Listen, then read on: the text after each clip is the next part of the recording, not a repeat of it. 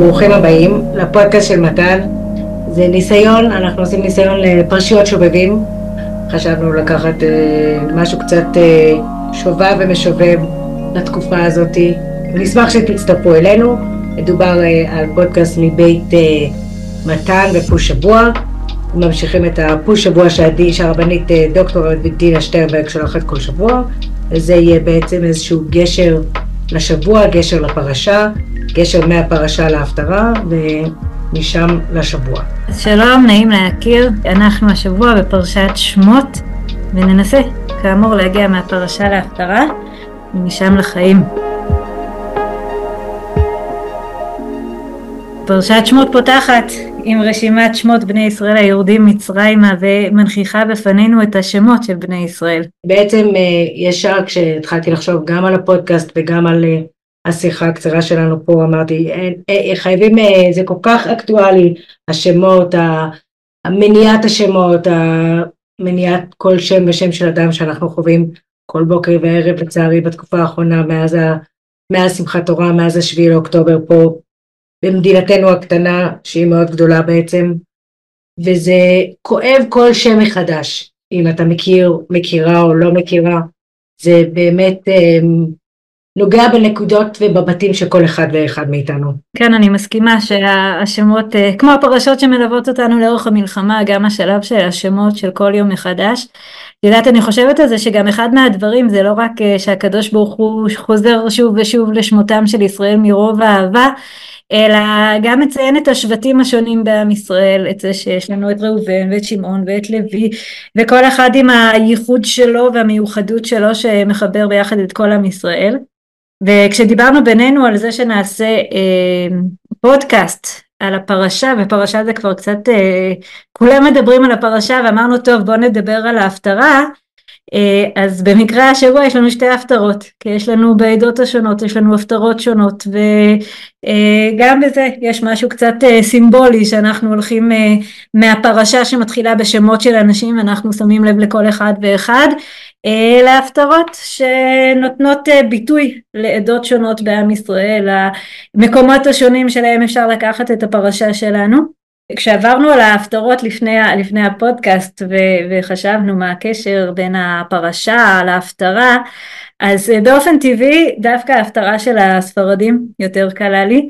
ההפטרה של הספרדים היא מההתחלה של ספר ירמיהו, שזה נבואת ההקדשה של ירמיהו, וכמו בפרשה שלנו שהשם ממנה את משה לשליחות, אז בהפטרה השם ממנה את ירמיהו לשליחות, ובשניהם יש כמובן הרבה דמיון, את יודעת, גם אה, משה מסרב וגם ירמיהו מסרב, שניהם חושבים שהם לא ראויים, שניהם מקבלים אה, אותות לנסות לשכנע אותם שהם בסדר, שהם ראויים, שהם טובים, שהם יצליחו במשימה שלהם.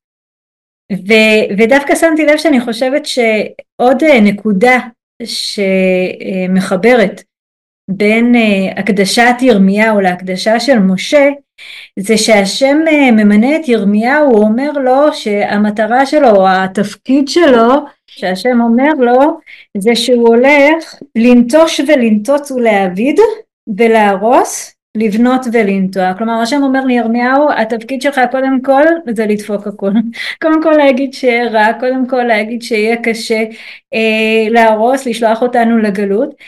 אמנם אחר כך יהיה גם לבנות ולנטוע והדבר הזה יהיה, אה, יחזיר אותנו חזרה אבל אנחנו לא נגיע לשם בלי הקושי בהתחלה ובמובן הזה זה קצת מזכיר את מה שקורה למשה שמשה נשלח לשליחות אבל אומרים לו זה יהיה קשה השם יכביד את לב פרעה והשם יקשה את ליבו ויהיו הרבה מכות.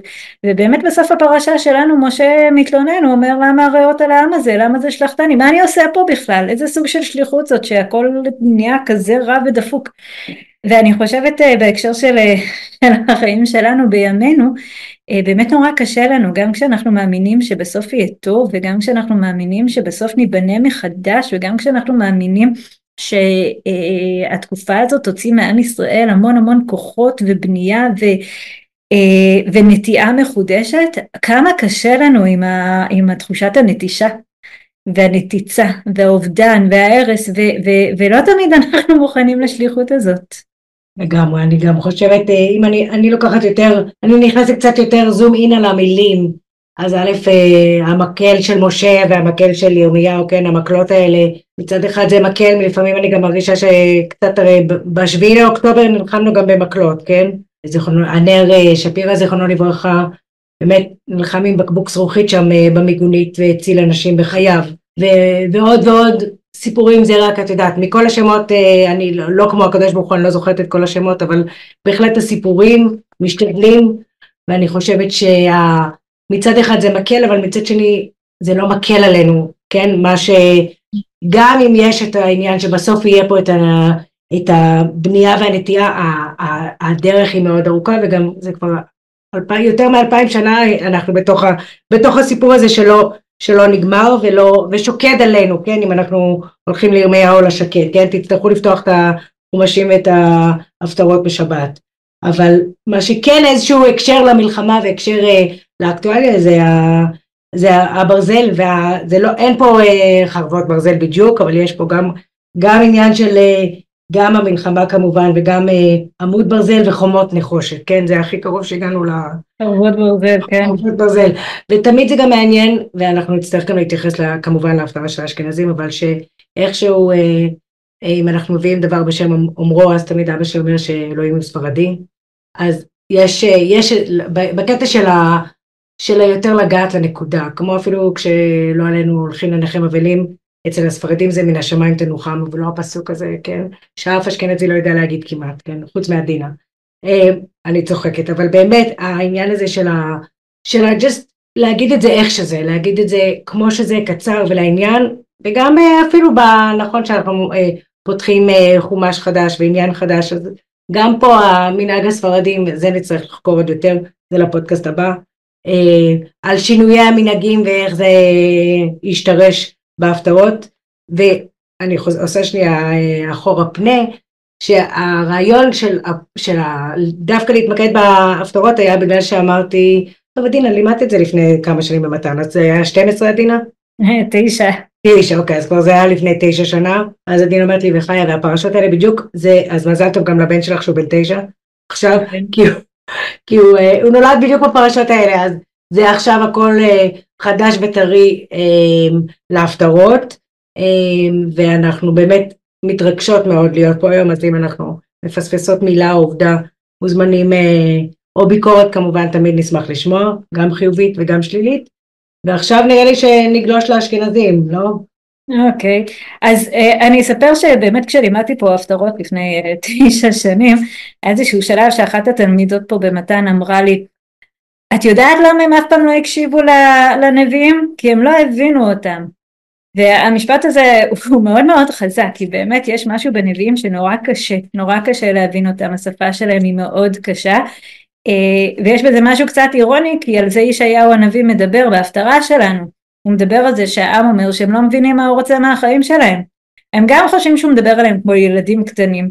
את מי יורה דעה ואת מי יבין שמועה, גמולי מחלה ותיקי משדיים, אתה כאילו מדבר עלינו כמו לילדים קטנים. ומצד שני הם אומרים לו כי צו לצו, צו לצו, קו לקו, קו לקו, זה ירשם, זה ירשם, כי בלהגי שפה ובלשון אחרת ידבר אל העם הזה. הם אומרים לו, אנחנו בכלל לא מבינים מה אתה רוצה מהחיים שלנו, מה אתה, מה אתה מדבר בכלל. לפעמים הדברים שאתה אומר הם נורא נורא פשוטים וילדים בגן, ולפעמים אתה כאילו מדבר פקה פקה, ואין לנו בכלל מושג מה אתה רוצה מאיתנו. ובאמת זה נורא, נורא מתסכל אני חושבת להיות נביא. שהוא צריך לבוא ולדבר אל העם והעם לא לגמרי מבין והוא מדבר נורא גבוה והוא מחובר לשמיים והוא מחובר לשליחות שלו ואנשים מסתכלים עליו כאילו נחת עליהם מהירח. בעיניי זה גם מאוד מאוד מתחבר לחוויה של אה, משה רבינו לא בדיוק במובן הזה שהוא מחובר לשמיים אבל, אבל גם הוא אומר, אני כבד פה, אני כבד לשון, איך הם יקשיבו אליי, הם לא, הם לא הצליחו להבין אותי, ואני יודעת שכולנו למדנו בגן, שכשהוא מדבר על כבד פה וכבד לשון, אז זה אומר שהוא מגמגם ושהוא לא יודע לדבר, אבל אני דווקא להגי שפה ולשון אחרת, חושבת שהוא מדבר עליהם בשפה שהם לא מבינים, ואולי אולי הכוונה היא שהוא לא יודע לדבר עברית. הוא גדל במצרים, הוא גדל במדיין, הוא לא, לא מדבר את השפה שלהם, והוא נורא נורא מפחד שהדבר הזה לא יאפשר לו לייצג אותם, כי הוא בא ממקום אחר, כי הוא בא מתרבות אחרת, כי, כי הוא אאוטסיידר כזה. כן? וזה נורא נורא מפחיד אותו, המקום הזה של לעמוד מול אנשים ולבוא ולהגיד להם דברים והוא לא מתוכם. היום מדברים המון על שבירת קונספציות. באמת חלק גדול מהבעיה שלנו זה שכולנו מאוד נעולים בתוך השבטים שלהם ובתוך המחשבות שלהם ובתוך התרבות שלהם. ו- ואחד הדברים ש- שמשה צריך ללמד את העם ומשה צריך ללמוד קודם זה, זה שזה בסדר לדבר אל העם קצת אחרת, עם שפה קצת שונה, קצת לאתגר אותם, לבוא מנקודת מבט אחרת. לפעמים כשאתה נעול בתוך העולם שלך, בתוך עם של עבדים, שכבר רגילים, כן? הם כבר בתוך הקונספציה, הם יודעים ככה היה, זה מה שאנחנו מכירים. הם מאוד מאוד קשה להם לגאול את עצמם. מאוד מאוד קשה להם לצאת. זה טמון בשם של משה, לפחות אני לוקחת את זה לעברית, כן? למרות שזה, שמעתי כבר את דוקטור יעל זיגלר אה, מדברת על השם וה... אה, שזה שם מצרי וכל עניינים, אבל אני חושבת באמת היה צריך למשוך אותו גם, גם מתוך עצמו, למשות אותו מהמלוכה בעצם ולהוריד אותו אל העם, אבל זה חלק מהמשימות של משה או מהעניין של משה, היה גם ממש, אני חושבת שלצאת מאזור הנוחות שלו באיפה שהוא היה ולהפוך למנהיג שהוא צריך להיות, להפוך ל... לקבל, את ה, לקבל עליו את התפקיד שבאמת הוא קשה, אני בטוחה שגם אם הוא גמגם או לא גמגם, היה לו אה, גמגום מסוים בלקבל את התפקיד, אוקיי? בואו בוא נגדיר את זה ככה. אז לא שזה קל לאף אחד אה, לקבל את התפקיד הזה, באמת, גם פה במלחמה אנחנו, אה, בדיוק אתמול דיברתי עם אה, חברה בערב, אמרת לי, אני הולכת, אני עושה, אני זה, ננה, ויש לי נזילה בכל הבית. כאילו, היא אומרת, אני לא מבינה, כאילו, מה, מה עוד רוצים ממני? הלכתי לחיילים, הבאתי 80 איש לישראל, לזה, ננה, אני חוזרת לבית שלי, כל הבית שלי מים, מה, כאילו, מה, מה, לא, בסדר, אולי קצת גלשתי לעניינים אחרים, אבל ברור שיש לה נזילה בבית כי היא לא, היא לא מספיקה, היא לא מספיקה, וגם למשה היו נזילות בבית, כן? כי למי יש באמת את הנזילות בבית? למי שלא יכול להיות כל היום בבית, הרי אם היית כל היום בבית, ישר הייתי יודעת שיש לי נזילה בבית, כן? אז אני חושבת שזה, חלק מהעניין זה גם, או שיש לך נזילה כי הבית שלך פתוח לכל האנשים, כן?